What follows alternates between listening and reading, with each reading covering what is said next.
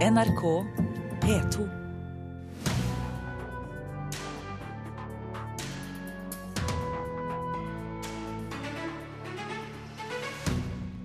Det er synd at det er så få som vil investere i nye og originale barneunivers. Det sier filmprodusenten bak suksessen Karsten og Petra. Forfatter Wenche-Britt Hagabakken var tilfreds med alt i livet sitt. Så ble hun rammet av hjerneslag. Da følte jeg at hele livet mitt altså bare forsvant. Alt var bra, og så kom det der. Og det, det snudde jo alt på huet. Og nå, 18 hjerneslag etterpå, så er hun ute med ny bok. Og du skal også få møte den svenske stilsikre filmskaperen Roy Andersson her i sendingen. Og du hører på Kulturnytt med Birger Kolsrud Jåsund i studio. Produsenten bak filmene om Karsten og Petra ønsker at norske filminvestorer ble mer villige til å satse på ukjente fortellinger. De mener at det er altfor vanskelig å få finansiert nye og originale historier. Karsten og Petra var relativt lett å få finansiert fordi det var så populært fra før. Julegrøt og julekaker, julenek og jul... Siste tilskudd i Karsten og Petra-universet er filmen om Karsten og Petras vidunderlige jul. Tror du at det kan bli ordentlig julestemning uten snø? Til sammen har de tre filmene om de to bestevennene blitt sett av over 590 000 barn og voksne. Og Tor Åge Bringsværs bøker, som filmene er basert på, har et opplag på over 1,2 millioner. Regner man sammen antall solgte kinobilletter, DVD-er og bøker, ender man opp på en omsetning på over 200 millioner kroner. Og da har man ikke regna med salget av kosedyr, CD-er og lydbøker. 200 millioner, det, må si, det hørtes nesten litt abstrakt ut for meg. Det var hyggelig, men nesten abstrakt. Det sier Anne G. Holt, som har illustrert de 30 bøkene som har kommet ut helt siden Karsten og Petra så dagens lys på starten av 90-tallet. Hun tror grunnen til at bøkene har fått et så langt liv, er at de først og fremst er hverdagslige og trygge, men også tidløse. Når jeg begynte å lage disse illustrasjonene, så tenkte jeg at de, de skulle ikke være hippe og moderne eh, à la 92. Så jeg tenkte nok at de skulle ha et så langt liv som mulig. Men 22 år hadde jeg jo aldri tenkt. Så du finner jo f.eks. i noen av bøkene gammeldagse telefoner med sånn snurreledning og sånn. Jeg hadde jo ikke sett for meg da at alle skulle ha mobiler, til og med små barn. Og med mobiltelefoner og nettbrett kommer også behovet for å oppleve barneuniversene på andre plattformer. For produsent Silje Hopland Eik var det viktig at bøkene om Karsten og Petra var såpass populære før de gikk i gang med prosjektet. Jeg har jo sjøl lest Karsten og Petra-bøkene for mine barn. Så for meg var jo det et lett valg, nettopp fordi at jeg elsket bøkene og så hvordan jentene mine responderte på det. Men det er klart, det hjelper finansieringsmessig at, at merkevaren er kjent fra før. Hun tror det er mye lettere å satse på trygge og etablerte prosjekter enn å satse nytt. Vi eh, skulle ønske at vi kunne være mer nyskapende og lage mer eh, originalt materiale. Men som filmprodusent i Norge i dag, så eh, ser vi at de som investerer i film, de vil ha kjente merkevarer. Noe de kan vite på forhånd hvordan kommer til å gå. Så det er ikke så mye risikovillig ute og går. Men eh, jeg vil oppfordre både Norsk Filminstitutt og andre finansiører til å støtte litt mer original barnefilm nå i årene som kommer. Petra? Ja? Tror at vi to alltid kommer til å være venner? Bendik Samuelsen, som er professor i markedsføring ved Handelshøyskolen BI, mener Karsten og Petra er et godt eksempel på at man har etablert en trygg og kjær plattform gjennom bøkene, slik at man kan se etter andre medieflater og videreutvikle konseptet på. Kaptein Sabeltann er et annet norsk eksempel som har trukket dette særdeles langt. Vi kan også nevne Elias, den lille redningsskøyta, som jo er både TV-serie og bøker og i film og merchandising, altså produkter. Så dette illustrerer vel det ganske enkle at barnefamilier er en, en relativt kjøpeorientert målgruppe. Men selv om den totale omsetningen av Karsten og Petra nå har nådd over 200 millioner kroner, er det ikke slutt for Anne G. Holt og Tor Åge Bringsvær. Planen vår er å lage bøker hvert år, sånn som vi alltid har gjort. Så tenner vi ett lys i kveld. Vi tenner det for glede. Det står og skinner for seg selv, og oss som er til stede. Hvorfor tenner vi ikke bare alle lysene? Reporter i denne saken, det var Åsta Hoem Hagen og Jarl Nymo.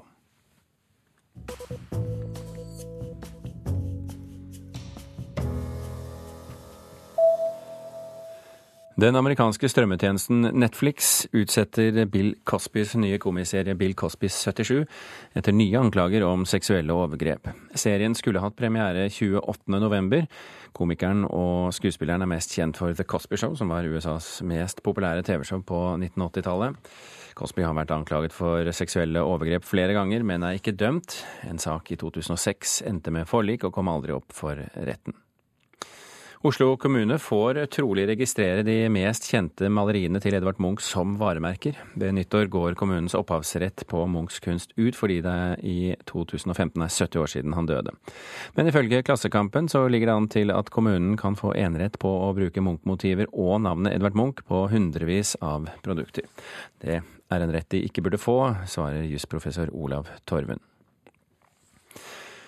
Og så kan vi ta med at det er CNNs stjernereporter Christian Amanpour som skal gjøre Nobelintervju med Kailash Satyarthi og Malala Yousefzai for den amerikanske TV-stasjonen 10.12. Amanpour skal altså lede det direktesendte CNN-programmet fra Oslo rådhus under utdelingen av Nobels fredspris. Det er vanligvis, med svært få unntak, CNN-reporter Jonathan Mann som gjør disse Nobelintervjuene.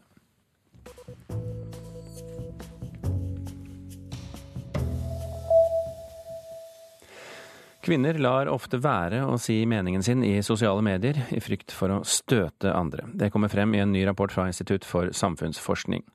Fortsetter utviklingen slik, kan vi få et demokratisk problem, advarer en av forskerne bak undersøkelsen. Blant folk på gata i Oslo er det delte meninger om saken. Jeg syns det er litt trist. Jeg går ut fra at folk frykter en eller annen konsekvens, og de holder vel ærlige meldinger. Det syns jeg er dumt, at ikke folk kan si hva de mener. Det er jo viktig å kunne si sin mening, men man, samtidig så må man passe på at man ikke ødelegger for andre. Da. Og nettopp den holdningen er det flere som deler. Frykten for å såre andre gjør at flertallet av oss lar være å ytre sine ærlige meninger i sosiale medier. Det er 8,7% som sier at de ville ytre en mening som er viktig for dem, hvis det var fare for å støte personer eller grupper. Det sier Kari Steen Johnsen, som er en av forskerne bak rapporten.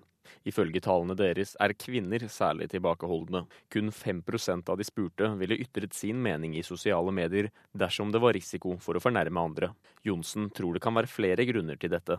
De er ikke forsiktige bare når det gjelder med å såre og støte andre, men også mer forsiktige i forhold til frykten for å bli latterliggjort og, og, og, selv bli utsatt for trakassering. Sånn at det ligger en forsiktighet hos kvinner fordi at de kanskje kan føle seg mer utsatt i det offentlige ordskiftet også. Selv om det er positivt at vi ikke vil støte andre, påpeker Johnsen også negative sider ved saken. Hvis denne utviklingen fortsetter, kan det i verste fall bli et demokratisk problem, sier forskeren. Hvis det er sånn at noen stemmer systematisk blir borte fra ordskiftet, mindretallsstemmene, så kan det bli et problem for et samfunn. For da mister vi noen stemmer som vi gjerne skulle hatt med. Det sa Kari Steen Johnsen til reporter eh, Camilla Wernersen og Vegard Valestrand. Og Vi skal hoppe til et annet kapittel i denne rapporten. Det er nemlig ikke bare i sosiale medier vi kvier oss for å si hva vi mener. For noen temaer er for sensitive til å tas opp i den offentlige debatten i Norge. Det kommer altså frem i denne ytringsfrihetsundersøkelsen som legges frem i dag. Forskere har intervjuet en rekke personer med minoritetsbakgrunn om deres erfaringer med å delta i samfunnsdebatten. Og det, vi hørte et eksempel her. Arnfinn Haagensen Midtbøen ved Institutt for samfunnsforskning står bak et annet. Velkommen til Kulturnytt. Tusen takk. Hvilke temaer er det som er for vanskelig for de med minoritetsbakgrunn å diskutere i dag? Altså, Vi har spurt da et knippe med eh, profilerte meningsytrere med ulik etnisk og religiøs minoritetsbakgrunn om det er bestemte temaer som de unngår å uttale seg om i den norske offentligheten. Eh, det, alle, alle, svarer at det er noen temaer de ønsker å uh, unngå å uttale seg om. Eh, en gjenganger er eh, at flere unngår å snakke om konservative holdninger til homofili i innvandrermiljøene. Ehm, en av eh, informantene forteller at han konsekvent unngår å snakke om eh, religion og religiøse spørsmål. Eh, en av politikerne med innvandrerbakgrunn unngår å snakke om innvandrings- og integrasjonspolitikk nokså konsekvent, fordi hun ønsker å slippe å få stemplet kategorien innvandrerpolitiker ved seg. Så det er stor variasjon i temaene man ønsker å, å, å unngå, men, men alle har på sett og vis noen, noen bestemte temaer som man ønsker å unngå. Ja. Hva, hva kjennetegner disse temaene? Hva er felles for dem? Det er et vanskelig spørsmål, for det er ganske stor spredning i det. Men jeg tror at, eh, at uh, det virker som om de temaene man ønsker å unngå, på sett og vis uh, Man ønsker å unngå å støte eller uh, få negative reaksjoner fra de gruppene man, man opplever at man snakker for. Altså en del, av, en del av minoritetene som har som sin rolle å problematisere fordommer i majoritetssamfunnet, f.eks unngår å ta opp spørsmål som er problematiske eller kontroversielle innad i minoritetsmiljøene. Mm. Mens andre, som kanskje er mer interne kritikere av egne religiøse miljøer f.eks., vil være mer opptatt av å, av å nettopp problematisere den type mm. holdninger i egne miljøer, og mindre av f.eks. rasistiske holdninger i majoritetssamfunnet. Eh, dette kan jo fremstå som rent praktiske for, eh, måter å håndtere hverdagen på, men er det også selvsensur? Ja, Det ligger eh, helt klart et element av selvsensur eller en form for selvbegrensning i dette. Ja, det, er, det er ikke tvil om at, eh, at uh, de fleste personene vi har snakket om her, og som også Kari har vist at, at gjelder, gjelder um, kvinner i sin alminnelighet, har noen, noen, sånne strategiske unngåelser av bestemte, bestemte, temaer. Ja. Og Det kan være ulike grunner til det. Uh, til dels at man å, ønsker å unngå å støte eller vekke negative reaksjoner hos, hos grupper man på en måte mm, ser at man representerer men det kan også handle om at man ønsker å unngå hets, sjikane, trusler, eh, eh, som, som jo mange har, eh, rapporterer at de har opplevd. Flere steder i rapporten så kommer det jo frem at den offentlige debatten har blitt romsligere siden 1990-tallet. Skal vi på tross av disse funnene dere har kommet frem til, også være litt fornøyd? Jeg tror helt klart at uh, den offentlige debatten har blitt uh, mer mangfoldig. I den forstand at det har kommet flere stemmer, det er flere temaer som diskuteres. Uh, og på de måtene så, så, så, har den blitt romsligere. Ikke minst har det kommet en hel ny generasjon av unge stemmer. Norskfødte etterkommere av innvandrere som i dag deltar på, på den norske, i norske offentligheten i stor monn, og som bidrar til å på en måte åpne opp den debatten. Så gjør, gjør, de det på en annen måte? Ja, det tror jeg de gjør på en annen måte i den forstand at de står nok friere enn tidligere generasjoner og debatten på 90-tallet i forhold til hvilke perspektiver de representerer. Samtidig så Samtidig så har nok debatten også blitt hardere. Sånn at Den er blitt romsligere på én måte, i den forstand at den rommer flere stemmer. Samtidig så har nok framveksten av både sosiale medier og en del uredigerte debattplattformer bidratt til at ordskiftet har blitt eh, hardere, og at, eh, at omkostningene ved å ytre seg kan være ganske store. Har den blitt hardere fordi den har blitt romsligere? Ja, Det kan nok være at de tingene henger sammen, men det nok også, har nok også sammenheng da, altså med den, denne digitale mm. utviklingen. Simpelthen at, at uh, mens man tidligere uh, ytret seg gjennom redigerte debattplattformer, så foregår det, det, frie ordet langt friere i dag enn det gjorde på 90-tallet. Arnfinn Haagensen Midtbøen, tusen hjertelig takk for at du kom til eh, Kulturnytt. Klokken er passert kvart over åtte. Du hører på Kulturnytt, og dette er toppsakene i Dagsnytt nå. Snusbruken i Norge er tredoblet. Fagfolk kaller det en snusepidemi blant unge. Helseminister Bent Høie sier snus øker risikoen for kreft og annen alvorlig sykdom. Oslo-politiet er i ferd med å rulle opp en ny stor svindelsak der folk er frastjålet identiteten sin. Det er på høy tid å ta dette problemet mer alvorlig, mener Norsk senter for informasjonssikring. Og pensjonsgiganten KLP bytter kullgruveaksjer med grønne investeringer. Penger skal i stedet brukes på vind, sol og vannkraft. Roy Andersson er en av Sveriges aller fremste og mest spennende filmskapere. Han har vunnet mange priser, fått Nordisk råds filmpris blant annet, og vunnet juryprisen i Cannes. Han står bak over 400 reklamefilmer, men er mest kjent for filmtrilogien om livet og døden, med filmene 'Sanger fra den andre etasje' og 'Du levende'. Nå er han klar med siste del av de tre, som har fått tittelen 'En due satt på en gren og funderte på tilværelsen'. Jeg traff ham på Filmens hus i Oslo i går, men før jeg tar deg med dit, så la oss eh, få en liten smakebit fra filmen. Du går jo så langsomt! Det ser ut som du sover når du går. Du går jo som en jævla zombie. Det gjør jeg ikke alls. Jeg gikk så her. Vanlig. Hva jeg enn sier, så sier du imot. Det gjør jeg ikke alls. Roy Andersson, velkommen til Kulturnytt. Takk så mye. Dette er altså siste del i en uh, trilogi om det å være menneske. Har du kommet frem til noen konklusjon? det er ikke lett å være menneske. Som han sier i min første i, i denne trilogien, hovedpersonen der han sier det er ikke lett å være menneske. Nei, men det, herregud, det, det er både lett og svårt. Ja. Jeg har gjort de her filmene for å vise liksom, spennvidden i tilværelsen det store og det lille og det tragiske og det rolige. Og det, ja, det grymme og det, det barmhärtiga. Allting försöker jeg få med. Du begynner jo eh, denne filmen om livet med tre dødsfall. Ja, jeg ville markere der. Jeg ville ha en, en, et avstamp som var lite, litt galt som man sier på norsk. Altså litt humoristisk, Fast det er veldig sorglig. Jeg ser på eh, ganger på det tragiske med litt humor. Alltså. Hvor viktig er humor for deg i filmene? Ja, humor det jo et fantastisk fantastiskt vapen som vi mennesker har, altså överlevnadsvapen.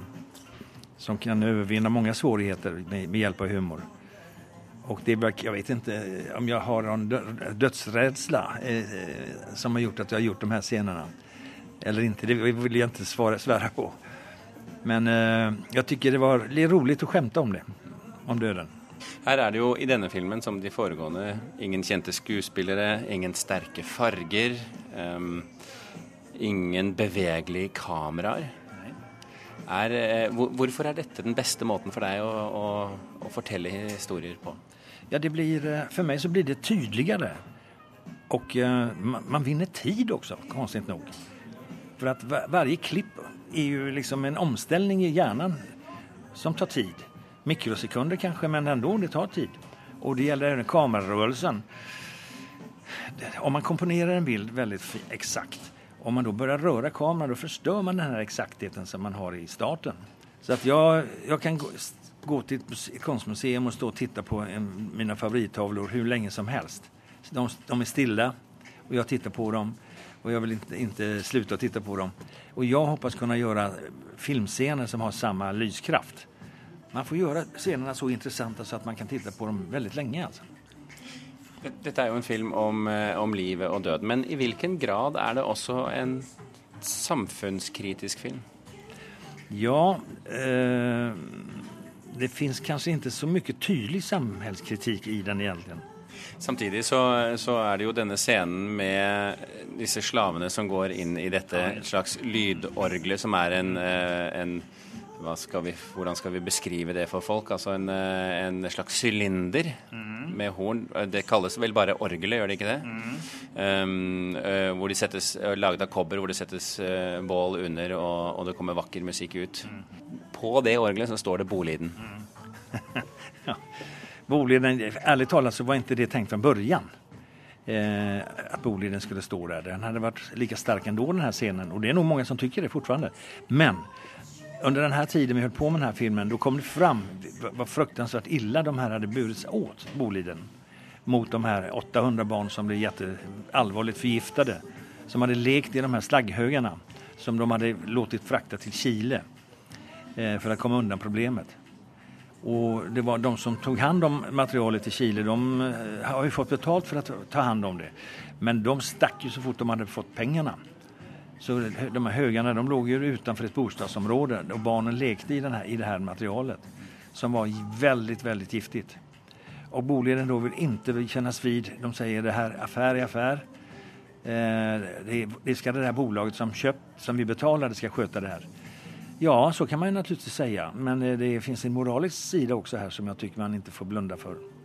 Och där tycker jag Boliden verkligen har misskött sig. Det är dock ett statligt bolag i stort sett. Och jag är svensk medborgare och känner mig ansvarig, delaktig i det bolaget. Och jag vill att de ska uppföra sig väl. Och ehm, eh, jag hoppas att de förlorar eh, i den här rättegången som är på gång nu i Stockholm. Nej, i Skellefteå. Så sånn sett så passer altså denne type samfunnskritikk inn i en stille film om livet og døden. Just det, just det. Alltså jag egentligen är jag inte så förtjust i att vara politiskt korrekt sådär och peka ut politiskt tydligt det och det. Men i det här fallet tycker jag det var lämpligt å gjøre det faktiskt. Du har altså laget nå en trilogi eh, hvor du har forsket på livet. Har du lært noe om livet underveis? Man lærer seg hele tiden. Så lenge man lever lærer man, lærer man seg. Man lærer seg av det livet som figurerer rundt omkring. Man lærer seg gjennom litteratur og kunst, historien. Konsthistorien er min store inspirasjonskilde. Og uh, andre filmer også, faktiskt. Så att jag, det, jag måste säga, det man lär sig hela, hela tiden. Ja, Det sa filmskaperen Roy Andersson i går. Selskapet Boliden er saksøkt for 90 millioner kroner av 707 beboere i regionen Arica i Chile. De bestrider kravet og sier samtidig til nyhetsbyrået TT at de ikke vil ha noen synspunkter på Roy Anderssons måte å uttrykke seg på som kunstner. Den høyt respekterte og ekstremt produktive amerikanske forfatteren Joyce Carol Oates er nok en gang ute med ny bok. Denne gang er eh, romanen med tittelen Kartago. Vår anmelder undrer seg, som så mange andre litteraturkritikere, med en sånn eruptiv produksjon, kan det gjøres med litterær, litterær kvalitet? Jeg har gitt opp å holde styr på antallet utgivelser fra Joyce Carol Oates hånd. For lengst har jeg også gitt opp ideen om å få lest alt. Jeg ser på nettet at John Updike i et essay har antydet at Oates er født 100 år for seint, at dagens kritikere rynker på nesen av den avsindige produksjonstrangen. Underforstått spørsmålet kan det oppstå litterær kvalitet på denne måten? Og så skriver hun i så mange sjangre. Den forrige romanen hennes, The Accursed, var for eksempel en rendyrket gotisk skrekkroman. Den kom i fjor, og blir neppe oversatt til norsk, men lesverdig er den like fullt. Og nå er altså Kartago her, lagt til den oppdiktede byen med samme navn, et sted i det som kalles Upstate New York. På ingen måte nytt terreng for en Oates-roman. Jeg har lest et sted, også det på nettet, at forfatteren har sagt at hun dras mot å skrive om dette området, omtrent som en person kan ha gjentagende drømmer. Og det merkes. Landskapet sitter. Det drar i leseren, særlig når letemannskapene i juligheten tråler naturreservatet Notoga etter den forsvunne jenta. For det er slik det starter. En lørdag kveld i juli 2005 forsvinner den 19 år gamle jenta Cressida Mayfield, men ikke sporløst. Den siste som er sett sammen med henne, er en hjemvendt og hardt krigsskadet Irak-veteran, Brett Kincaid. I bilen hans finnes det spor, blod, hårstrå mens han knapt kunne gjøre rede for seg da politiet fant ham. Det er etter hvert nærliggende å tro at Kincaid har drept den forsvunne jenta. Selv vet han ikke. Nå er det slik at forfatteren i bokas prolog, og med Cressidas stemme, åpner for at det slett ikke er sikkert at jenta døde denne kvelden. De første setningene lyder nemlig slik. De var ikke glad i meg. Ikke nok. Det var derfor jeg ble borte. 19 år gammel. Jeg kaster terning, med livet som innsats. Joyce Carol Oates' evne til å skrive seg inn i menneskers liv, som i de to desperat letende, senere sørgende foreldrenes, gjør dette til en opprivende og solid roman. Den inneholder de klassiske spørsmålene om forbrytelse og straff, også når avsender og mottaker ikke er seg handlingene bevisst. Den fillerister krigens nåde og meningsløse ødeleggelse av unge liv slik den unge Kincaid ikke klarer å skille mellom det han har sett i Irak, og det han kanskje har gjort i Kartago. Å få denne tvetydigheten ned på papiret er en av bokas største prestasjoner. Kartago er også en roman som intenst billedliggjør et ungt, begavet og annerledes menneskes voldsomme sårbarhet. Cressida som 19-åring er 1,55 høy, tynn som en strek, rettlemmet som en gutt. Hun er den smarte, noe som hjelper henne lite. Bildet av Cressida kan få leseren til å assosiere med den spinkle og småvokste forfatterens egen apparasjon. Det er neppe tilfeldig. Det er det heller ikke når en rasende akademiker i boka, med en lang historie for avsløringer av råttenskap i samfunnet, sier hans prosjekt er å undersøke den amerikanske sjelen fra baksiden. Det er vel nettopp det Joyce Carol Oates holder på med, fremdeles. Sa Leif Ekle. Kartago er oversatt av Tone Formoe. Forfatter Wenche-Britt Hagabakken fra Hamar hadde flere kritikerroste romaner bak seg da hun i 2012 fikk 18 hjerneslag på to år. Nå er hun ute med en ny selvbiografi, en bok hun har skrevet med én hånd og et halvt hode. I løpet av 2013 så da følte jeg at hele livet mitt altså bare forsvant. Jeg hadde jo tenkt at jeg skulle skrive mange bøker, jeg hadde store planer jeg, framover. Og, og, skulle på en måte Jeg syns jeg hadde det beste livet noen kunne ha. Jeg jobba med akkurat det jeg likte, og hadde alt mulig bra hjemme her, og alt var bra. Og så kom det der. Og det, det snudde jo alt på huet. Fra februar i 2012 til mars i år hadde Wenche-Britt Hagabakken hele 18 hjerneslag. Mens hun lå på Rikshospitalet, begynte den prisbelønte forfatteren fra Hamar igjen å skrive. For da lå jeg der, og da ble det jo til at jeg på en måte tenkte gjennom livet mitt, fordi jeg var jo veldig usikker på om jeg kom til å komme meg levende ut av det. Det begynte den 12. februar 2012, det var en søndag. Det var morsdag, en gnistrende iskald søndag med mange planer for mor og meg. Og helt uventa blåste det opp en sterk vind fra intet som kunne ha slukka flammen min på et tiendedels sekund. Og fra da av ble hjernen min aldri seg sjøl igjen. Nå gir Wenche-Britt Hagabakken ut biografi, dikt og tekster, en sjølbiografi med utgangspunkt i det som skjedde februardagen i 2012. Forfatteren sier dette er den første boka hun har skrevet med én hånd og et halvt hode.